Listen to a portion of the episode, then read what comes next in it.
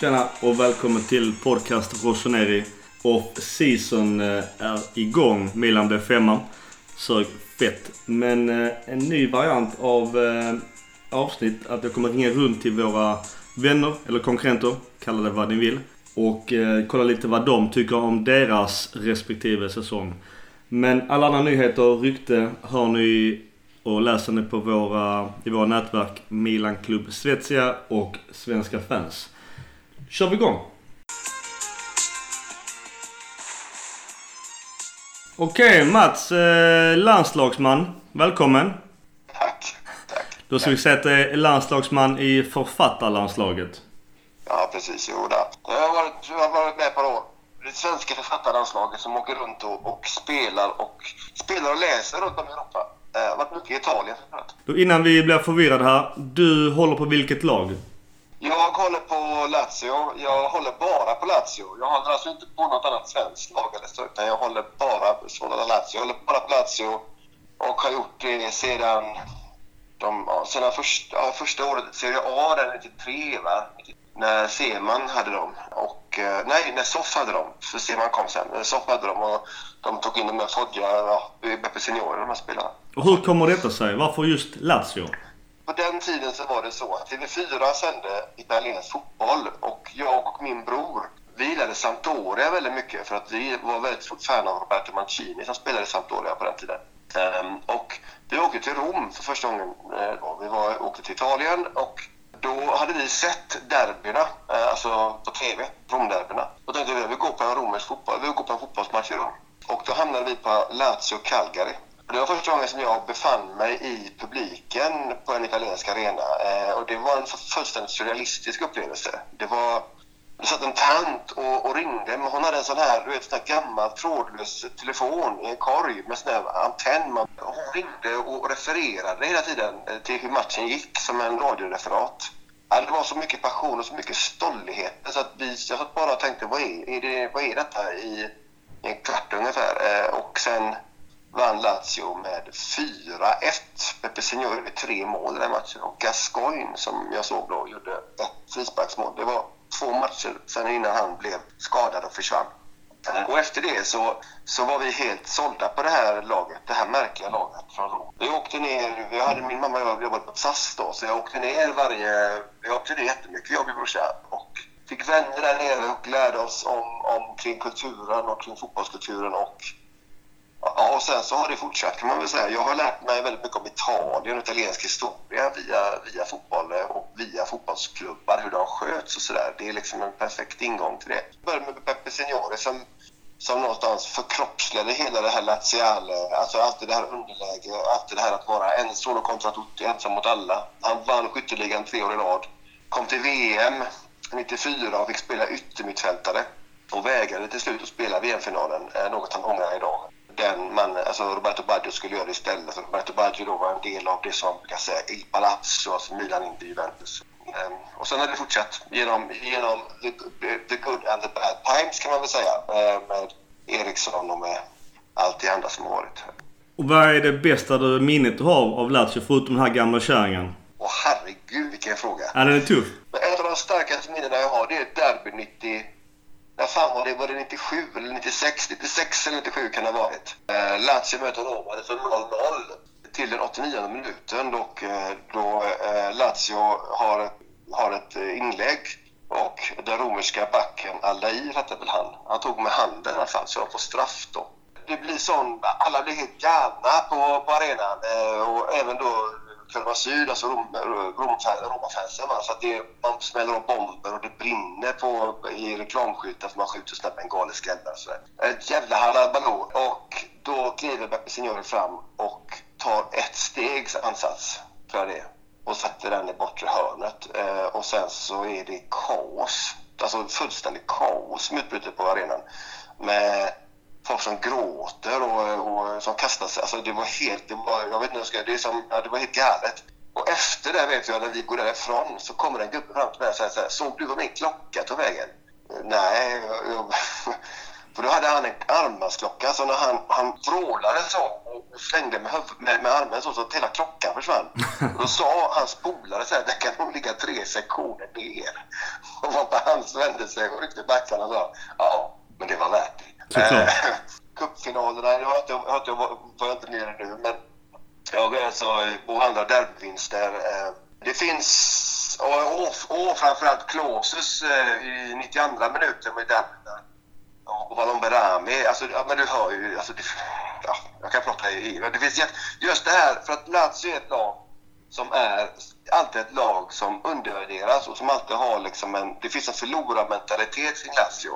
När vi vinner så, så betyder det så oerhört mycket mer. Och framförallt i en stad som Rom då, när det går på tio personer så är nio personer som håller på Roma och den tionde håller på Lazio. Man kan väl säga så här, det finns fans som jag känner som tycker att det är viktigare att det går dåligt för Roma än att det går bra för Lazio. Va? Alltså det, det, det är så oerhört starkt. Du bara kort, eh, vår Milans kapten är ju egentligen Lazio från början. Och vi tog ju eh, en annan Lazio-kille i form av Nesta för många år sedan som har varit mm. extremt tongivande för Milan. Hur var tankarna kring det och vad hände där egentligen? Den dagen Alessandro, Alessandro Nesta slutade spela Lazio så slutade också hans pappa gå på fotboll. Hans pappa fick frågan, men ser du inte din son nu när han spelar i Milan? Min son spelar alltid Lazio svarade han då och slutade att se matcherna. Han, jag, jag slutade gå på arenan. Det finns också en intervju med Alessandro Nesta när han kommer i den mixade zonen på San Siro och får frågan Hur är det nu att spela i Milan? Och han tittar in i kameran och säger Cion un lavoro. Det är ett arbete. Och för Nesta så var det inte det förut. Nesta ville inte bli såld. Den klubben drevs av en eh, jag ska säga, en affärsman med väldigt tvivelaktiga metoder så får man väl uttrycka det. Med när Sergio Canocchi ägde klubben så man hade enorma underskott så därför såldes nästan ganska snabbt. Tyvärr. Roma och Lazio var i samma läge då med nästa och Totti. Men eh, Lazio sålde nästa. Hade man sålt Totti i Roma så hade det blivit kravaller i stan.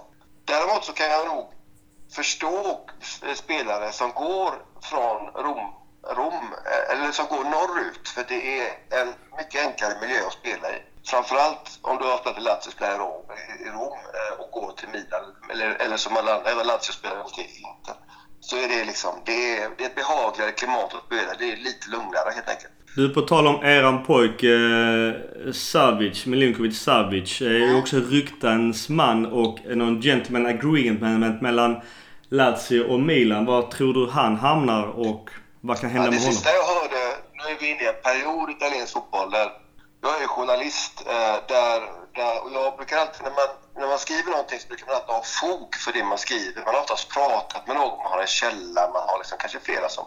I italiensk sportjournalistik, i den här perioden, det som vi kallar för silly season, så, så är det liksom, gäller inga som helst regler. Utan det är rykten som blir till, till sanningar och det ena med det femte. Eh, det sista jag har hört är att Lotito och Andrea Agnelli har träffats och eh, alltså Juventus eh, ägare har träffats och att, eh, för att, och att Juventus vill köpa Savic, eller Sergej.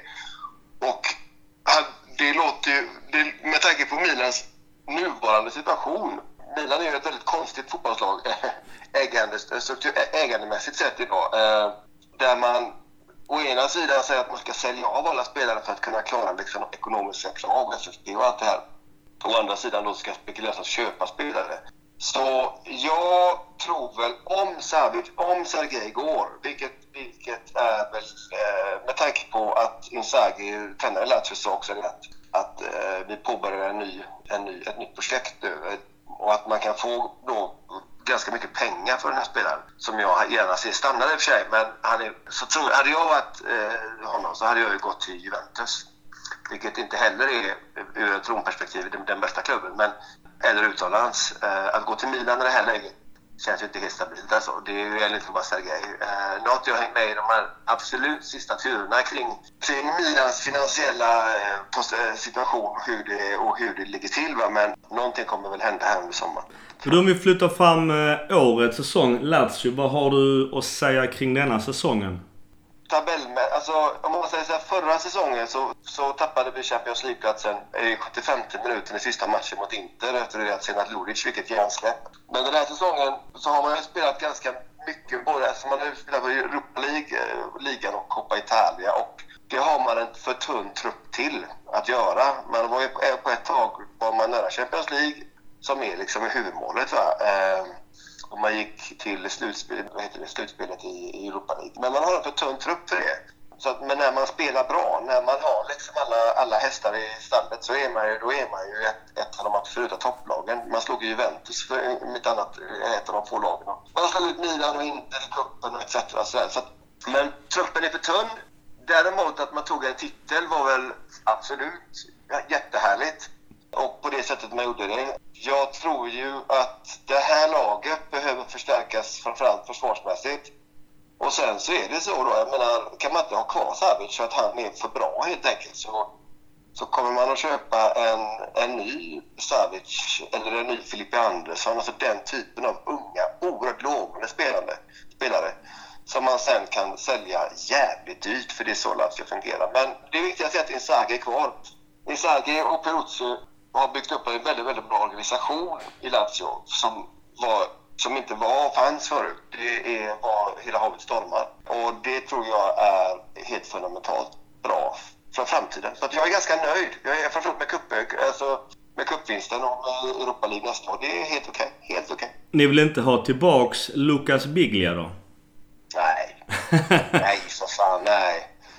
Han var alltså sista alltså, när jag såg honom derbyt här nu, eller för, sista, sista säsongen när han var med. Då var han fruktansvärt bra. Han är också en, en hyfsat, eh, hur ska jag säga, mentalt instabil spelare. Den spelare som de fick istället, som de köpte från Liverpool, Lucas Leiva, är ju klasser bättre, skulle jag säga, än vad Biglia är. Inte kanske rent fotbollsmässigt, men framförallt mentalt och ledarmässigt på plan. Där är väl Biglias stora, liksom, stora problem egentligen, tycker jag. Så att han, och när han väl fick de här, alltså när han väl blommade ut då i Lazio, så var han ju helt grym då ägde han ju, men han hade också de här mentala dipparna. Och Leiva är mer, har varit en mer liksom stabil snubbe. Och det tycker jag man kan se, ha sett på Milan också. Liksom, när, när Biglia har...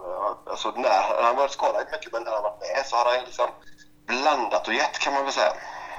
Nu har du annars eh, någon kommentar kring Lazio eller Serie A eller någon annan anekdot du vill förmedla till våra lyssnare? Den stora grejen i Serie A i år var inte Juventus vann ligan. För att Juventus kommer vinna ligan många, många år framöver igen tror jag med tanke på att, att Italiens mäktigaste familj, Agnelli, då, äger Juventus och, och sådär.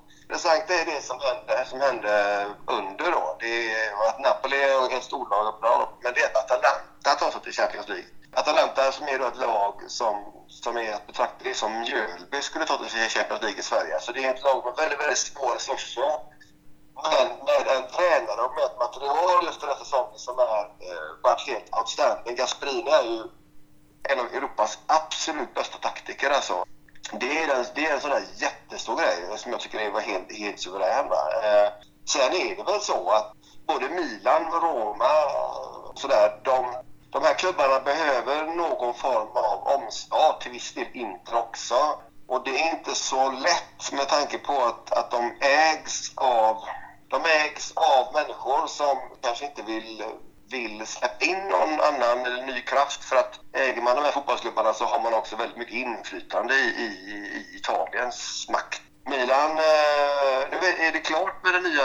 Ja, det är mycket duktigt kring eh, Sampdorias tränare. Att han har ja, blivit... Ja, ja. att han blivit erbjuden... Ja, han är duktig. Han är, eh, han är jävligt bra alltså.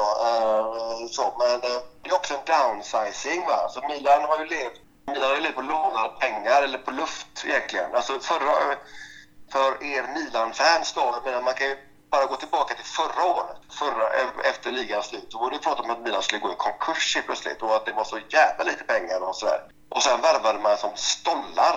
Det finns en grundproblematik kring ekonomin och kring ägarstrukturen i Milan som är synnerligen intressant, eh, men som också kommer påverka, tror jag, hur det laget ser ut nästa år.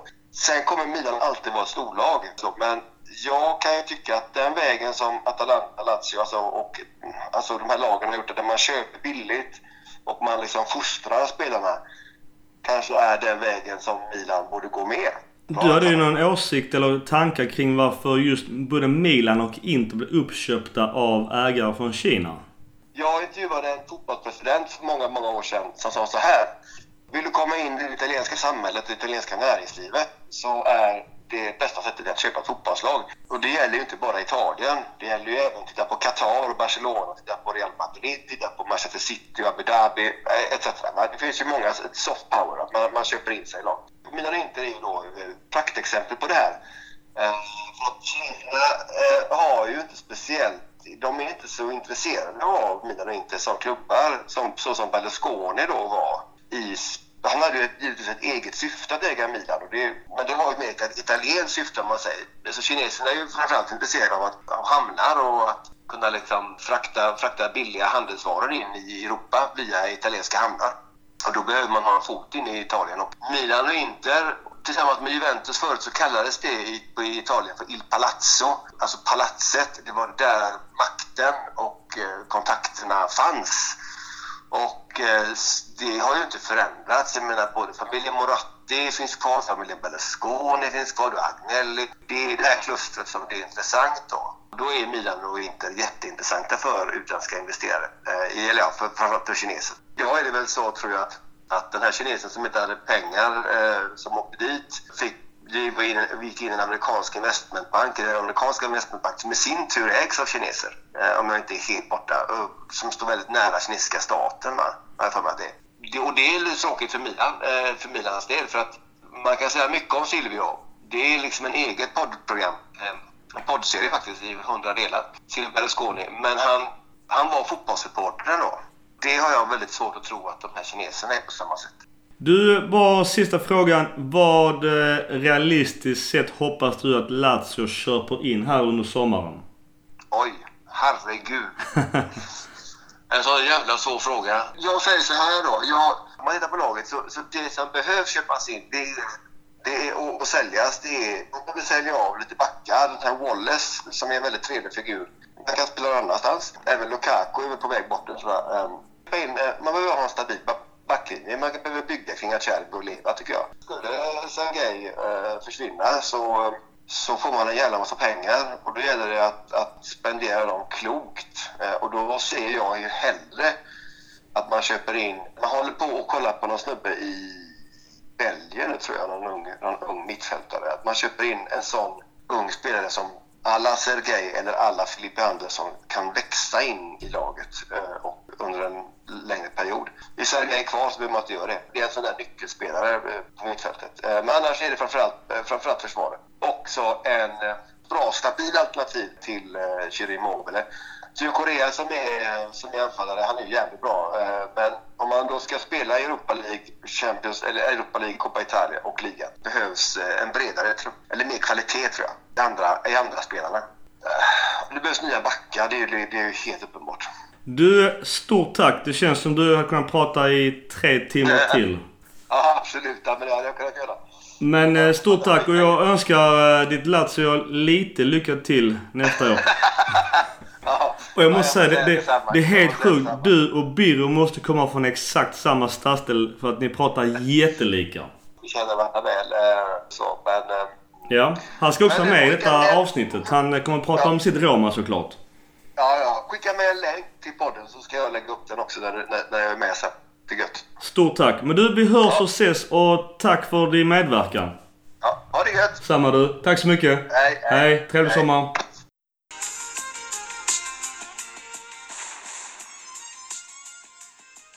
Super! Stort tack för det. Vi köttar vidare. Ingen tid att spilla. Så jag ringer nästa samtal. Även det här blir ett Lazio-samtal. Kanske annat perspektiv. Vi får se. Vi får se.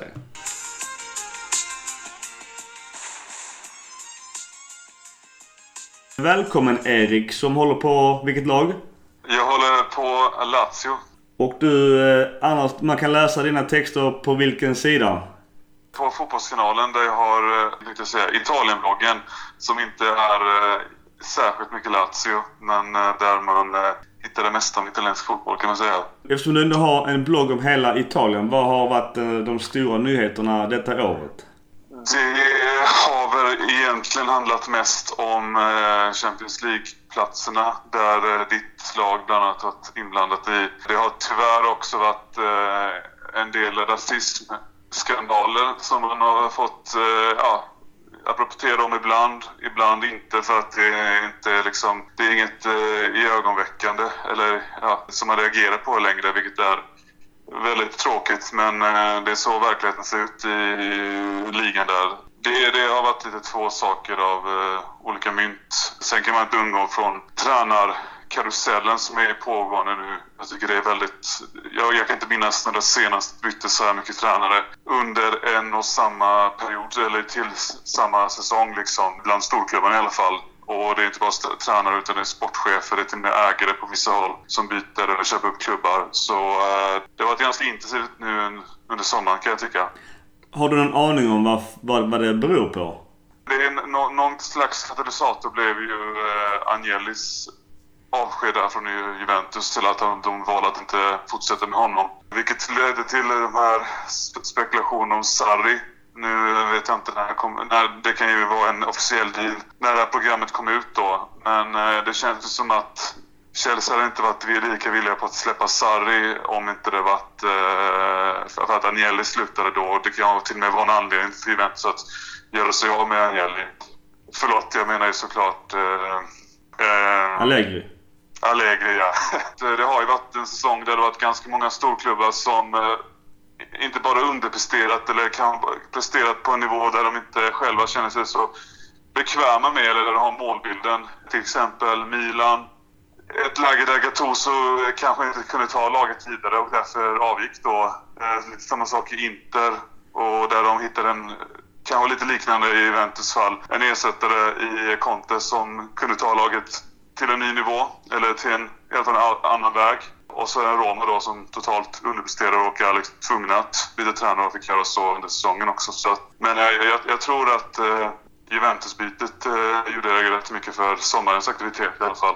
Ditt eget Lazio tog ju cuptiteln. Hur har din, dina åsikter kring Lazios säsong varit? Det blir ju rätt mycket att man jämför med fjolåret och eh, huruvida de överpresterade då eller inte sett till det så är det väl en normal säsong. Alltså fansen är ju ganska besvikna över att det bara blev en åttonde plats och som en Laziale vill man ju alltid att laget ska åtminstone vara i topp 6. Så att det är väl en rimlig, liksom, en rimlig målbild någonstans. Men eh, det, det blev som det blev när eh, laget lite mer hamnade på jorden. De här eh, superfrontoppade spelarna från 17-18 säsongen, bland annat Blinkovic Savic, Ciro Immobile och eh, Luis Alberto inte presterade på samma höga nivå så eh, klart det märktes i att det blev färre poäng. Med det sagt så tycker jag kupptiteln förändrade allt egentligen, eh, eller hela liksom utvärdering av säsongen för att eh, det, det gjorde ju ändå i slutändan att ett, de kom till Europa och två, det blev en, till slutändan en bra säsong för att de tog en titel. Eh, de gjorde någonting i, eh, liksom, i, i titelväg. Och eh, det är klart att jag hade hellre velat ha en Champions League-plats än en titel om jag ska vara helt ärlig, än, än en cuptitel i det här fallet. Men det, jag, är, jag är väldigt nöjd med att Coppa Italia roddes sen i alla fall. Det känns som just Milinkovic Savic kommer vara den stora transfern i sommar för Lazio. Tror du han hamnar i Juventus och vad, vad kan han tänkas kosta? Det beror ju... Ja, Juventus kan absolut hamna i. Om, eh, liksom, om de är sugna så är det ju få spelare som säger nej. Särskilt en spelare från Lazio, eh, om man säger så. Jag har aldrig sett honom som en spelare som är den som har liksom bråttom. Och nu har han liksom... Det var ni hade inte förra sommaren att liksom, han, han var ju väldigt tydlig med då att uh, jag trivs bra i Lazio och det här, i det här laget kan jag utvecklas vidare och liksom ta nästa eh, liksom fortsätta steg framåt. Sen hände ju någonting ändå. Eh, det, det här, allt det här snacket kring han och svara eller inte vara förra sommaren gjorde ju någonting med hans prestationer under hösten och uh, det har väl säkert fått honom att tänka, om inte tänka om, så, så i alla fall tänka annorlunda kring liksom, hans egen situation i klubben han kanske är bekväm med att fortfarande vara Lazio, men jag, jag, tror han kommer ta chansen att sticka. Eh, samtidigt så måste liksom rätt bud komma in och eh, det är väl det som är liksom knäckfrågan. Det var ju snack om över en miljard på honom förra sommaren. Fullt rimligt tyckte jag då, sett hur han spelade. Eh, det kommer, jag kan knappast tro att det händer i de summorna det här sommaren. Men eh, sett till vad han gjorde i cupfinalen så visade ändå han att han är liksom, kan vara en matchvinnare även i de stora, eh, största mötena. Eh, jag tror själv han liksom tryckte upp priset på sig själv lite grann i med 1-0 målet mot eh, Atalanta i finalen där. Jag skulle säga att det absolut väger över att han lämnar mer än någonting annat. Men det är inte superklart och det är mycket upp till eh, Claudio Lotito som inte är den enklaste att förhandla med eh, om man säger så, i, i fotbollsitalien. Vem har annars varit den eh, bästa spelaren i Lazio kontra kanske den mesta, eller största besvikelsen? Största besvikelsen får jag ändå nämna eh, Milinkovic Savic.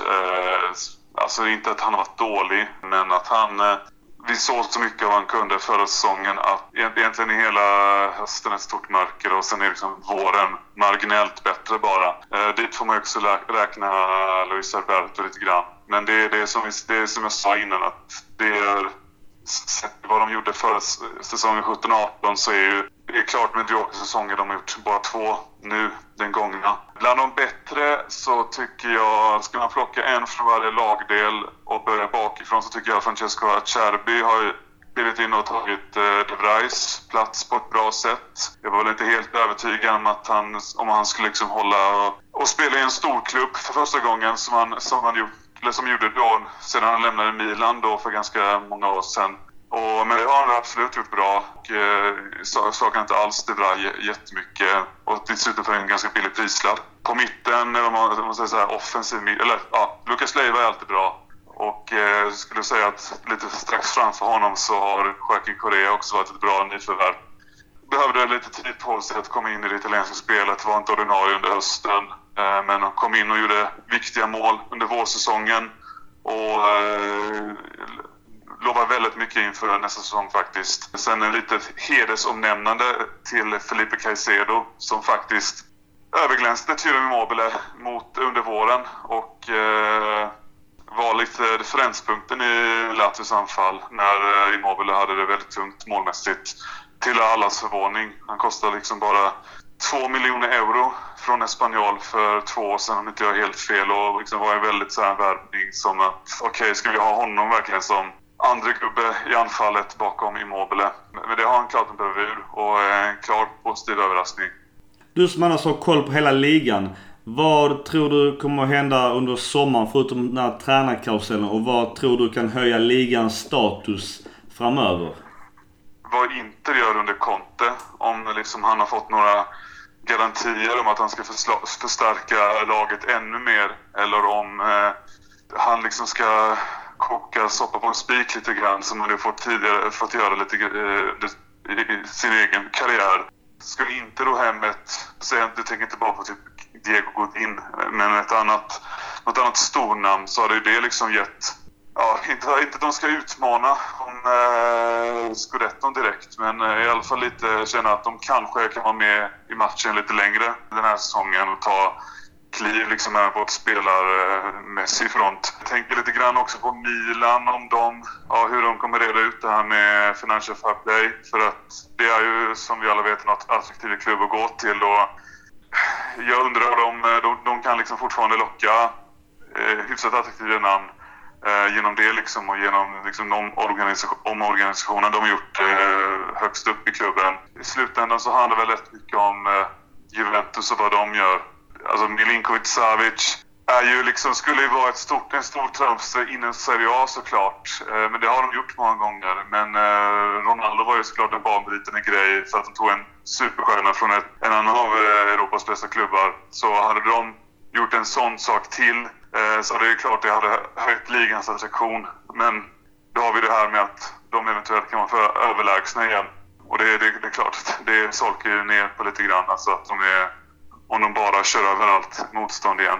Men eh, jag vet inte, under, under Sarri så tror jag inte liksom, jag tror, skulle de få Sarri så tror jag att eh, det hade varit rätt väg att gå. Men eh, kanske inte den spikraka vägen och det, det kan ju liksom Eh, konkurrenterna eh, profiterar profitera på under, höst, under hösten i alla fall, tänker jag. Att eh, det hade inte varit kanske så enkelt för Sarri att bara få igång ett Juve-maskineri från start liksom. Utan det kommer att kräva sin tid.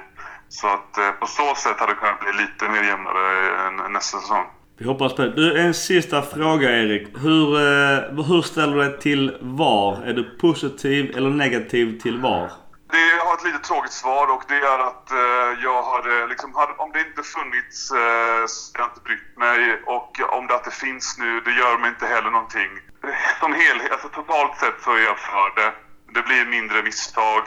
Oftast används det på ett bra sätt. Man vill ju ha bort, man vill att det ska bli en fullständig rättvisa och alla misstag ska bort. Men det är ändå liksom det blir bedömningar, det är fortfarande bedömningssport och det blir bedömningar inom VAR också som tolkas olika och det är, det är främst det jag ställer mig emot och det är det jag tänker att, ja, okej, alltså jag verkligen inte gjort med någonting om vi inte hade haft det här. Någonstans är det VAR framtiden så att ja, ja, ja, jag står bakom det eh, som det ser ut nu. Om någon skulle vilja följa dig på Twitter, vad heter du på Twitter? Jag heter mitt namn, Erik Hadjic, eller att Erik Hadjic, med K och så stavas mitt efternamn H-A-D-Z-I-C. Så eh, enklare att stava än att uttala. ja, precis. Du Erik, stort tack för eh, dina ord och eh, kötta på i bloggen. Det ska jag göra. Kul att snacka med dig. Super, detsamma. Tack så mycket. Tack själv.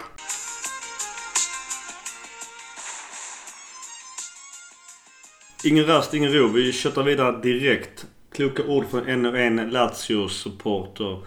Vi eh, vänder blad som vanligt. Utan att ordbajsa för mycket så kommer vi prata om Torino.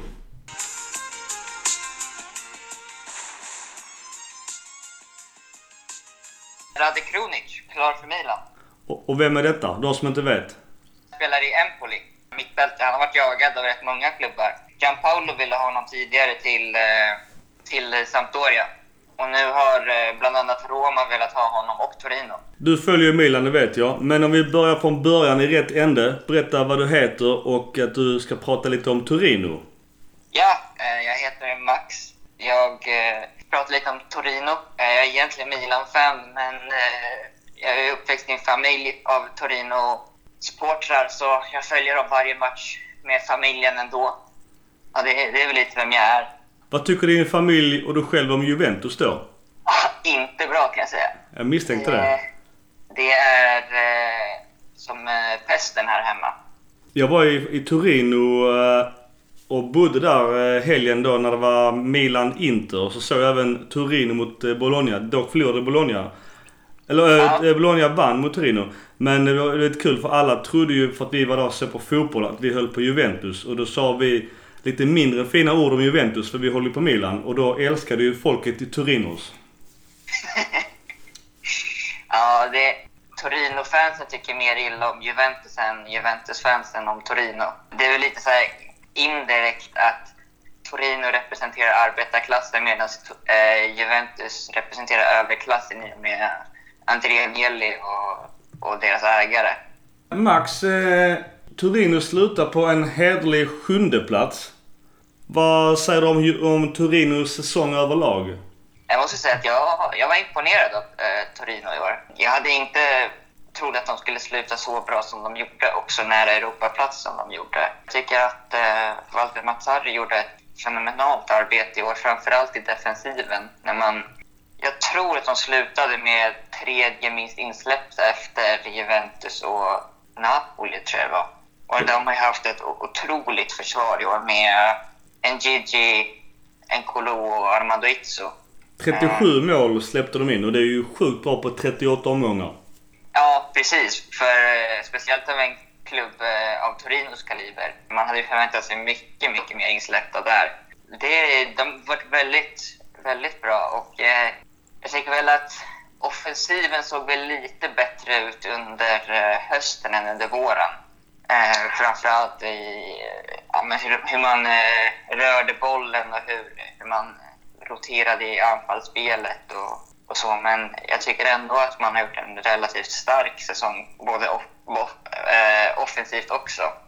Belotti, hur eh, har hans säsong varit för de som inte följer? Belotti har ju alltid haft rätt mycket högre förväntningar på sig efter eh, supersäsongen han hade 16-17. Och sen hade han förra säsongen där han inte kunde leva upp riktigt till det mycket på grund av skador. Men i år så har han, han har inte riktigt nått målen som han gjorde sin, eh, breakthrough season, men han, jag tycker ändå att han har utvecklats och är en mer komplett spelare nu. Han tar mer skitjobb för laget, att springa och jaga. Han, eh, han kan suga ner bollarna för att sen distribuera dem vidare på eh, yttrarna eller, eller Jago Falke som går i djupled. Han är mer komplett nu, även fast han kanske inte har gjort lika mycket mål. Eh, jag tror ändå att han fick en eh, 15 baljor i år. Du, annars Torino har ju faktiskt chans att spela Europaspel om nu Milan inte väljer att spela Europaspel på grund av Financial Fair Play. Så det, det, det kan ju bli en väldigt mycket bättre säsong för Torino. Hur, hur, hur går snacket i Torino-leden kring detta? De, de ser ju med optimism på det här att Milan ska, att de ska vad ska man säga, lägga sig för att eh, slippa lite på hårda repressionerna av, eh, av Uefa. Men det blir ju lite så också att Torino står i ett väldigt prekärt läge nu. att man, man har visserligen fått loss till exempel Ola Aina och Kofi Ngigi och Ansaldi som har varit viktiga kuggar i laget. Men samtidigt som man tappat sin sportchef Petracchi till Roma som har gjort ett exceptionellt jobb för, eh, för Torino. Där kan det bli svårt. För Petracchi hade, hade byggt upp ett lag med en tydlig idé och en eh, tydlig stomme vad man, vad man skulle vara för typ av lag. Och det där, oavsett om man får in eh, en sportchef av hög rang så kan det fortfarande vara svårt att fortfarande kunna hitta samma identitet som har varit i det framgångskonceptet de har haft nu den här säsongen. Mycket ligger ju självklart på Walter Mazzarri, hur han eh, formerar och ställer upp laget och så vidare. Men samtidigt så måste man ändå inse också att det ligger mycket ansvar i spelarrekryteringen för att få rätt spelare till laget för att kunna bli ett bättre lag nästa år. Vet du om det är några mer eller mindre klara spelare som kommer att lämna? Ja, en Bayern Young är klar ut. Eh, Adam Jajic är klar ut. Eh, jag tror Moretti, han gick i pension. Eh, och sen så är det ganska mycket rykten om att Daniele Baselli också ska lämna. Där har det varit väldigt mycket Napoli som har eh, i honom. Men klara ut, det är egentligen bara Niang, Jajic och Moretti. Och vad tror du Torino skulle vilja köpa för spelare eller position för att kan man ta nästa steg i nästa års säsong? Jag tror framförallt att man skulle vilja få in lite mer eh, kvalitet på mittfältet i form av kreativ kvalitet. I år har man, eh, man har fått förlita sig mycket på att Baselli ska ta det där eh, kreativa jobbet och han är inte riktigt en sån spelare. Han är mycket mer tvåvägsspelare, springer fram och tillbaka, inte kör finlir kreativt. Så det tror jag framför allt att man vill få in. Sen kan det ju vara så att eh, Jago Falke lämnar nu och då tror jag man vill få in en, en, eh, en till eh, fin anfallspartner till Belotti Simone Sasa är visserligen klar nu för att fortsätta i Turin, men han har inte riktigt imponerat i år så jag tror inte att varken Mazzarri eller eh, Urbano Cairo vill ha honom som eh, startspelare nästa år. Vad är ditt bästa minne kring Torino eller någon rolig historia kring Torino? En rolig för mig, det var ju den här uh, första matchen för något år sedan när uh, Donnarumma räddade straff på tilläggstid för, uh, för att ge Milan segern tror att det var, jag tror att det var 16-17. Eh, då var det hus i helvete där hemma efter det. Eh, bara jag och min brorsa som var glada. Då var det ingen mat på bordet? Nej, vi fick leva i exil där ett tag. De blev sjua i år? Är det där de ska ligga eller har de någon tanke på att kunna konkurrera med de sex första större lagen? Både Torino-läger och bland fansen så ser man framtiden som positiv och ljus efter den här säsongen. Jag tror att man framförallt nästa år vill satsa på att nå Europa oavsett om det är, ja det blir förmodligen Europa League då. Det är nästa steg man vill ta för att sen kanske kunna etablera sig mer som om ett hot för fjärdeplatsen. Det tror jag att de har ganska goda chanser till om man, om man gör rätt investeringar och fortsätter på det spåret som man har kört på nu. Värt att nämna också är att man har en brasse som är back, Lianco heter han, som har varit på lån hos Bologna nu. Mycket lovande och antingen så kan man få in rätt bra med pengar där i sommar eller så har man en fin förstärkning i backlinjen till nästa år.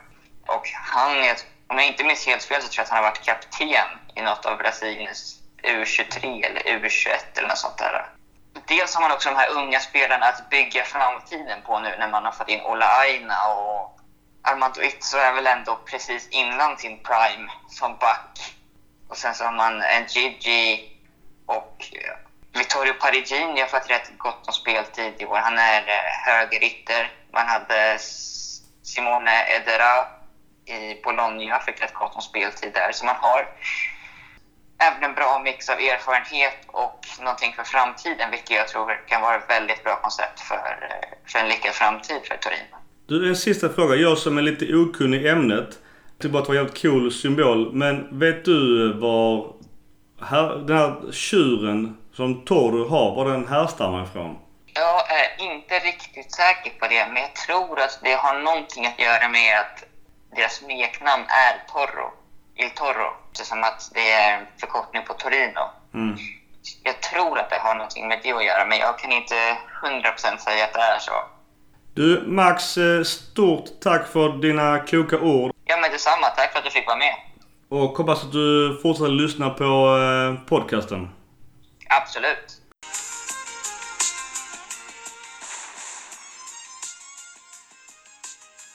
Okej. Ingen rast, ingen ro som man säger i skolan även idag förhoppningsvis. Så vi köttar vidare. Nästa lag är de med tre stjärnor, det vill säga Juventus. Klara mästare. Klart bästa laget i Serie A. Odiskutabelt. Det tar emot att erkänna det, men det är fakta. Och det är Fredrik som ska delge sina ord om säsongen som har varit.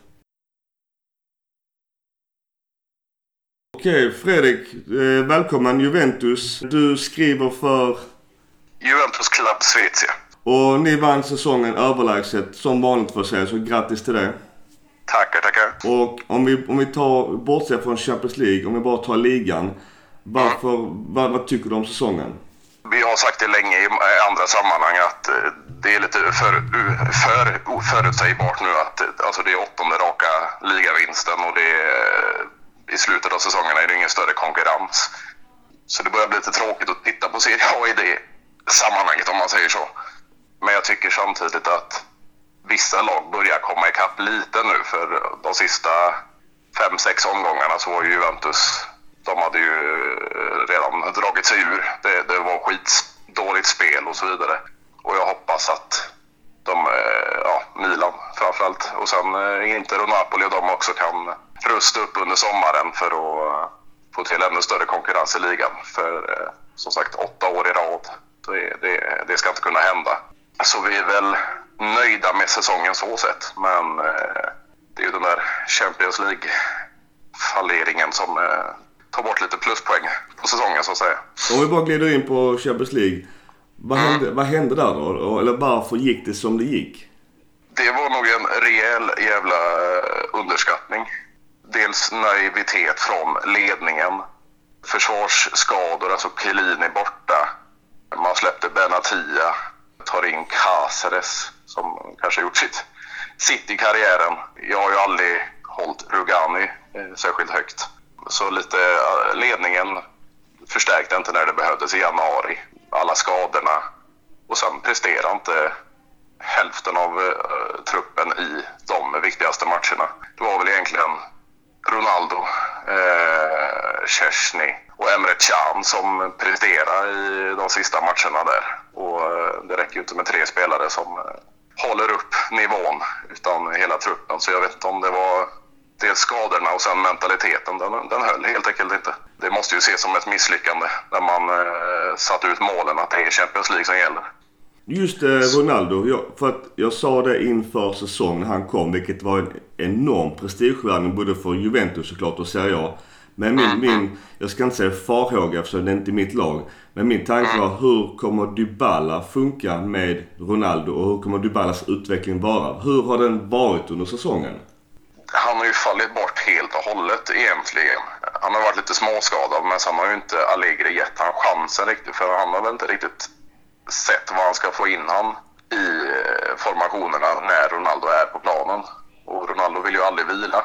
Jag tyckte det såg jävligt spännande ut säsongen innan Ronaldo kom när Dybala var i riktig toppform. Och eh, en Mandzukic var ute på en kant och eh, var hur bra som helst. Men sen när man gick över till egentligen att spela med två anfallare och det var Ronaldo och Mandzukic där framme och i vissa delar Moise Keane, eller Kahn. så eh, Dybala har ju helt försvunnit. Sen får vi ju se då om det var Allegris eh, brist på kunskap att få in han i det eller om eh, Dybala helt enkelt har gått ner sig och inte kan klara av att spela med Ronaldo. Det såg ju jävligt spännande ut precis när Ronaldo kom. Då verkar de ju trivas väldigt bra tillsammans. Men eh, efter halva säsongen hände ju någonting där. Så vi får väl se om det blir nu eh, Maurizio Sarri som tar över. Om han kan få, få igång Dybala och få in han i en eh, startelva med Ronaldo eller om eh, han skickas. Men jag tror han blir kvar och jag tror att han kan eh, vända på skutan Dybala. Du var också inne på mittbackar och det är någonting som eh, ligger lite som Milan också för att ni fick ju tillbaka Bonucci och även sen sålde Caldara. Och du sa själv att ni behöver backa och Rugan är inte din favorit direkt. Hur ser Nej. du kring allt det här? Jag var väldigt skeptisk när man tog tillbaks Bonucci. Jag var extremt skeptisk när man valde att skicka Caldara. Det var nog Serie A's och eh, Italiens eh, ja, mest spännande mittback när han spelade i Atalanta. Nickstark, försvarssäker och även målfarlig. Där hade jag ju bytt rakt av med Rogani, till exempel. Men man måste ju få till yngre backar och eh, bättre backar nu. Både eh, Basagli har ju lagt ner, Chiellini har väl en eller två säsonger till. Bonucci som jag tycker gått ner sig något fruktansvärt. Kanske har en tre, fyra säsonger kvar. Sen är det ju, sägs det att det var klart med Christian Romero från Genoa och Meri Demiral från eh, Sassuolo. Så man tänker ju redan nu yngre och stabila mittbackar. Sen hade jag ju gärna snott Romagnoli från er Ja. kan vi få Rugani istället. Så, eh, så vi- får väl se hur det blir, men det verkar som de redan har tänkt för framtiden. Sen eh, är det ju många som vill ha Delicht också från Ajax, men eh, vi får väl se. Det är väl Raiola som drar i strängarna där, så får vi se om han hamnar i Juventus eller PSG eller Barcelona eller vad det nu kan vara. Men jag tänkte på Juventus, deras transfersommar. Vad är det de prioriterar? Är det backar eller är det något annat? För de har ju, Ramsey har ju gått in på en monsterlön. Mm. Och det, det var väl något snack om en annan mittfältare men också en monsterlön som är på väg in.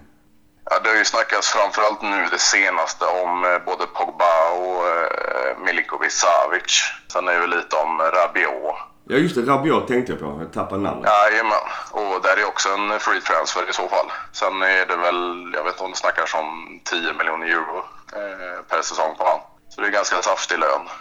Sen har man hört mycket gott om, jag översatte en intervju med Buffon nu på morgonen och han var väldigt eh, exalterad över Rabiot. Så eh, det kan ju vara spännande, men det är väl mitt, åtminstone två mittbackar. Och det sägs att det är en mittfältare på väg in. Sen verkar ju de vilja förstärka anfallet också. Både eh, Mandzukic och eh, Iguain har gjort sitt. Han lär väl inte få stanna kvar han heller. Så det är väl eh, en på varje position så att säga. Sen får vi se. Perin verkar vilja lämna. Han vill inte vara andra målvakt. Och det pratas om Pepe Reina från er. Ja. Så, Han och Sarri är ju gamla vänner. Vad tror du förresten om Sarri? Är det rätt man för Juventus?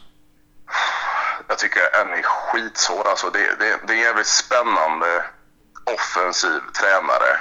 Och det är många som vill se, alltså Allegri är mästare på att förändra formationer och det är taktiska. Men sen är det väl inte så jävla roligt att titta på hans fotboll. Och, och Sarris fotboll är ju mycket mer sprudlande och offensiv och kreativ. Sen vet du, alltså hans stil och det där, eh, han använder ju 12-13 spelare i truppen. Det funkar ju inte riktigt i Juventus. Ja, vi får vänta och se. Jag, jag, är inte, jag är inte bombsäker på om det blir skitbra eller om det blir skitdåligt. Men eh, ett spännande val. Sen är du inte bombsäker denna att det blir han. Det pratas ju fortfarande om Guardiola från vissa håll. Men eh, vi får väl se. Det, det, det har ju dragit ut på den här Sarri-affären i ja, drygt en månad nu. Så eh, vi får väl se vem det blir. Juventus har ju varit extremt eh, lyckade sen de gick upp ur Serie B.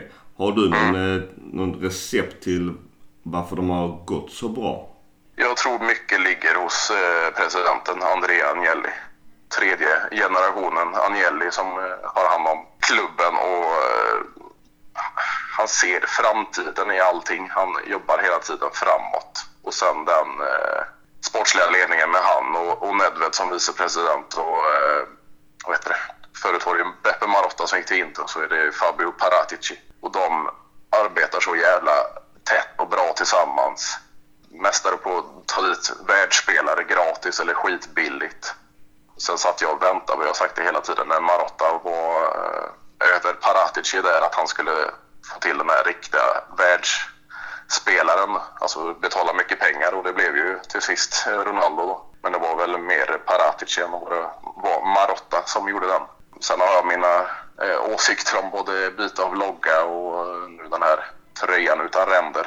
Det blir lite väl att pissa på traditioner och eh, det kanske lite, lite väl pengatänk i vissa fall där. Sen kan man ju samtidigt förstå att det är den moderna fotbollen och eh, de vet vad de gör, de vet hur de ska kapitalisera, kap kapitalisera och få till det. Så jag tror mycket kommer nog från Agnelli och eh, han är ju även ledare ute i Europa, eh, European Club Association och så vidare och mycket i Uefa håller på där. Så det, det är nog mycket André Agnelli som fått klubben dit som den är nu. Ja, men det är så. Dagens moderna fotboll är ju ett företag. Det får vi bara acceptera. Mm. Absolut. Men jag tänkte på nu med, med, Ronaldo in förra säsongen, eller här tidigare, och ett supernyförvärv. Är det någonting som man kommer förvänta sig av Juventus varje år? Likt som Real Madrid har för boosta mm. tröjor och annat? Det är ju lite... Alltså affären som tog Ronaldo till eh, Juventus har ju lite med eh, det är ju Exor som äger Juventus, den gruppen. Det är ju Agnelli-familjen och Elkan, eh, kusinen där. Och de har ju på något sätt sponsrat den här affären. Och det var samma sak som det talades nu om eh, Guardiola, att Adidas skulle gå in och, och, stå för en del av en lön till exempel. Och eh, kan man erbjuda de här enorma lönerna så skulle man nog kunna värva en världsspelare varje sommar. Men samtidigt då kommer det nog ställas krav från övriga spelare och få upp de där lönerna också och då är det ju inte hållbart i längden. Så jag tror inte det kommer in varje sommar en världsspelare. Nu kan det ju bli möjligtvis en återkomst av Pogba som jag, han var som bäst när han var i Juventus. Så, så, det kan jag tro kan hända i sommar, men jag tror inte man kan förvänta sig det varje sommar. Det är svårt att tro. Du, sista frågan. Vad har du annars för tankar kring den kommande säsongen för Juventus? Det beror lite på vilken tränare det nu blir, men jag tror vi kan förvänta oss i alla fall en mer offensiv och kreativ fotboll. Får man nu in någon som Pogba eller eh, Rabiot eller Milinkovic Savic och Pjanic kommer igång ordentligt igen och man får lite mer kreativitet, Dybala kommer igång så, så tror jag det kan eh, gå lite bättre i Champions League. Eh, som, som sagt, man måste föryngra och förstärka vissa lagdelar, kanske framförallt försvaret då. Men det hade ju varit ypperligt att få in någon som Delicht till exempel och ställa bredvid Chiellini och lära sig så mycket som möjligt i en eller två säsonger till.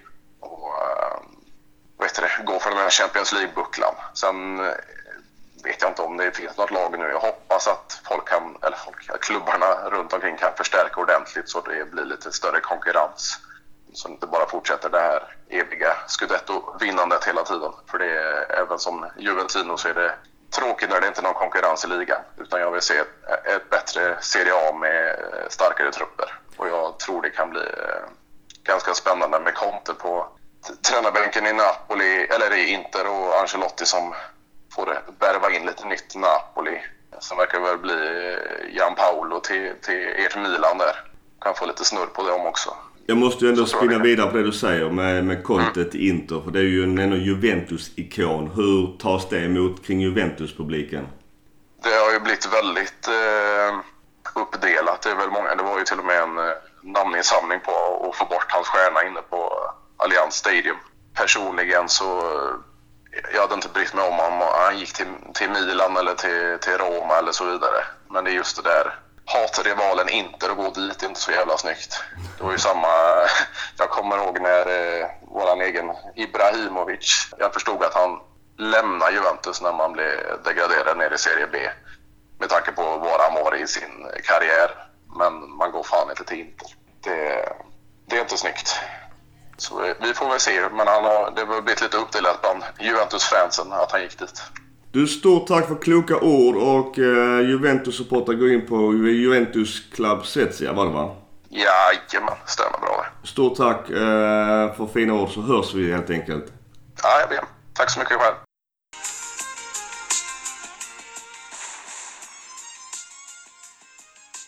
Okej, inget mellansnack utan vi kör direkt vidare till eh, nästa lag.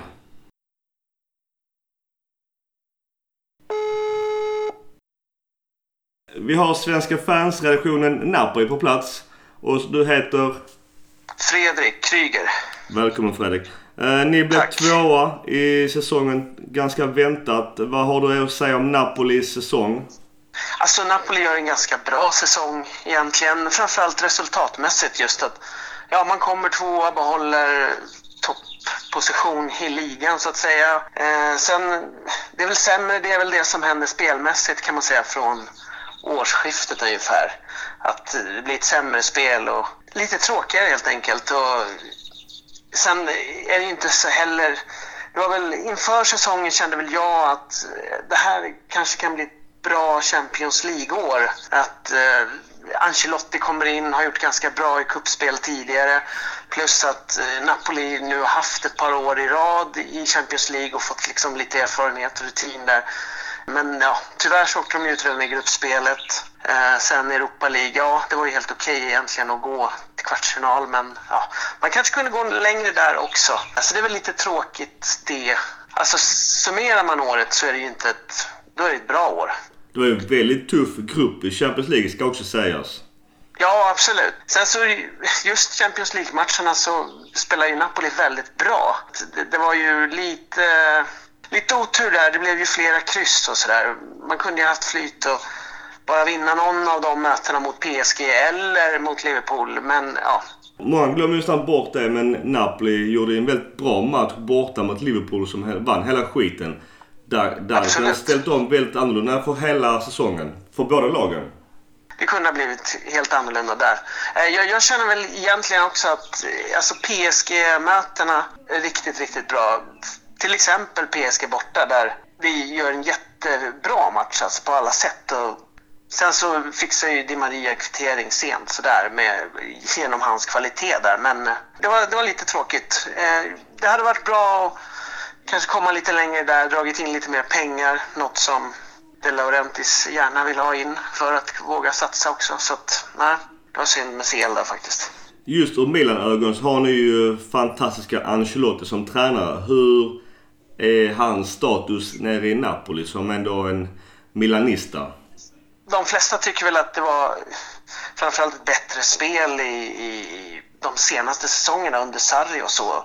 Och eh, man har ju tagit mer poäng då så, men det känns väl ändå som Ancelotti har en ganska bra, eh, bra status så. Det är väl eh, egentligen, eh, tror jag inte att han han får så mycket skit egentligen för eh, att man kanske inte nådde längre i år eller har haft ett bättre spel. Det, det ligger ju fortfarande, så är väl det det så att det är De De Laurentiis som, som får mest skit, vilket han kanske också ska ha just för en del uteblivna satsningar. Så. Just det, tidigare tränaren Sarri är på väg till Juventus. Hur tror du Napoli kan närma sig Juventus kommande säsong eller säsonger? När det gäller just eh, Sarri till Juventus så, så kanske det är en eh, fördel för, för Napoli och övriga som jagar i, i Juventus. Det, det är inte säkert att det...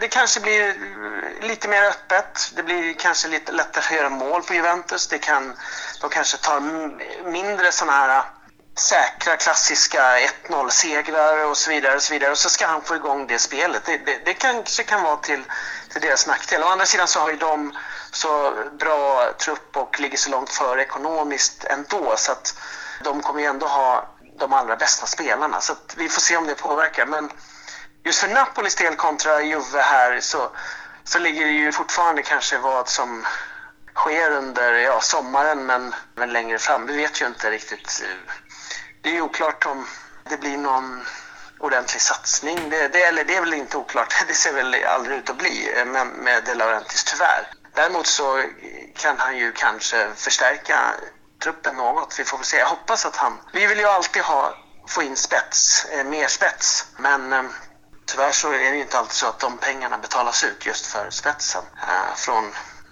ägarens sida. Men eh, ska man närma sig Juve så behöver ju Napoli mera kvalitet i flera lagdelar, skulle jag säga. Vilken spelartyp är det som behövs eh, i Napoli framöver? Lite beroende på givetvis om någon av de bästa försvinner. Men alltså om vi tänker Allan, Koulibaly och sådär, någon av dem skulle försvinna så påverkas ju det där såklart. Men skulle man se till truppen nu så backarna egentligen behöver ju kanske framförallt den till höger. Husay behöver ju flyttas bort, han ska väl flytta och där behövs det in en, en bättre högerback skulle jag säga. Sen kanske en bättre vänsterback också om inte Golam kommer tillbaks till sin toppform som han hade för två år sedan. Men eh, sen så finns det väl alltid egentligen eh, frågetecken också längst fram där. Milik har ju gjort en bra med mål i år men det är ju tydligt ändå att han liksom inte håller riktigt som, som huvudanfallare för ett lag som ändå kanske strävar högre eh, och, och gå längre i Champions League till exempel. Eller, så behövs det ju en bättre central anfallare. Så det, det är väl egentligen där. Sen nu eh, får vi väl se vad som händer här om eh, Albiol försvinner. Då behövs det in en, en ny, fast då en rejäl föryngring och ännu bättre mittback. På tal om mittbackar, det är mycket snack om Koulibaly. Tror man får behålla honom även denna säsongen som kommer? Svårt att säga. Det som vi vet av erfarenhet här, det är ju med De Laurentiis är ju, är ju stenhård i affärer. så. Och just när det gäller att eh, släppa spelare så är han ju... Jag har velat ofta att, de, att han ska gå ner i pris och släppa spelare som är, är liksom utanför startelvan. Om, om liksom det finns ett läge att åtminstone få in lite pengar. Men han brukar ju ofta vilja behålla de spelarna ändå till exempel. Där har jag stört mig på hans eh, snålhet. Medan här i sådana här lägen med de stora stjärnorna, de riktigt bra spelarna, har han ju varit väldigt hård att inte vilja släppa till, till eh, ett lågt pris så att säga. Och, så att jag, jag, är inte säker på att han, att Koulibaly går ändå. Det, alltså visst, det kommer bud och vill spelaren själv väldigt, väldigt gärna så ja, då släpps han ju. Jag är inte säker ändå. Det, det kan vara så att han stannar faktiskt. Men ja, vi får se. Vem har annars varit bäst respektive sämst i Napoli, Napoli detta året? Det, det är en svår fråga. Alltså det är väl så här. Jag, jag har tyckt att det är ingen spelare egentligen som har eh, stått ut sådär glänst enormt. Av, av, om vi säger av de offensiva. Koulibaly kanske har varit den bästa. Allan hade också en superbra höst. Då, de två egentligen har väl kanske varit bäst. Men samtidigt så, Allans vår var inte så bra. Koulibaly bara liksom egentligen fortsatte att bara leverera bra på något sätt. Men jag vet inte, sen gick ju Napolis spel ner, blev ju försämrat under våren också. Så det, man, man, får väl säga att de kanske har varit de bästa egentligen. Det, det är väl att de offensiva spelarna egentligen inte har, framförallt Insigne har ju varit en besvikelse tycker jag. Han har ju inte alls levererat eh, som han borde göra mycket, mycket mer. Han har ju tidigare varit liksom en, en stjärna om man säger så, men det har inte synts mycket i år. Och det har ju varit en del strul vid sidan av. Och... Du bara kort, vad är din inställning kring eh, videobesluten här nu i Serie A? Var? Ja. Jag är nog mer positiv än negativ.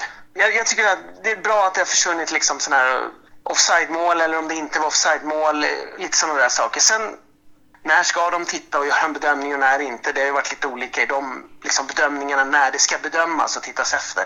Så där är jag väl lite mer negativ. Däremot tycker jag inte det har varit så dåligt med det här med folk klagar på att det tar tid och sådana där saker. Det tycker inte jag. Det tycker jag de har skött ganska bra nu. Eh, summa summarum är väl att eh, just nu får vi väl vara nöjda med eh, att man ändå eh, ligger här i toppen och har gjort det nu under ganska många år. Eh, stort tack för kloka ord. Tack så mycket. Tack, ha det gött. Ja.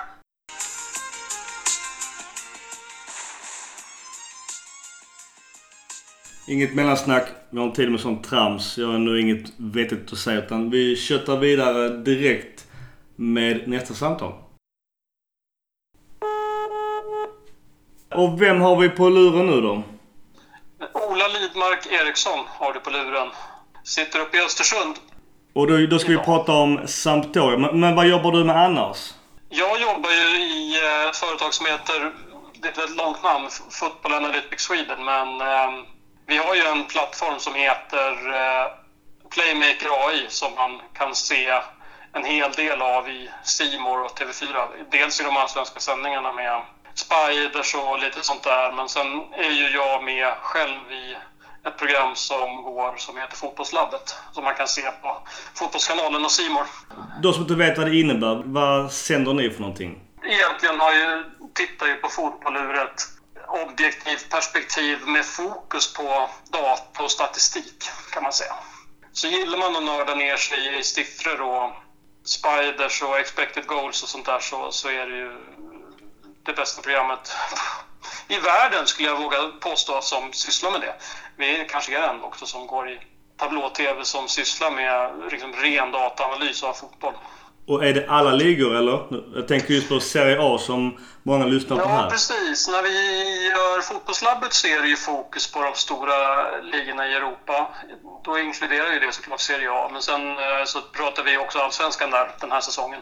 Eh, vilket är kul ur programperspektivet, för det är ju många som är intresserade av Allsvenskan och dessutom så har ju Simon rättigheterna till Allsvenskan än, så det är klart att det är kul att prata om det.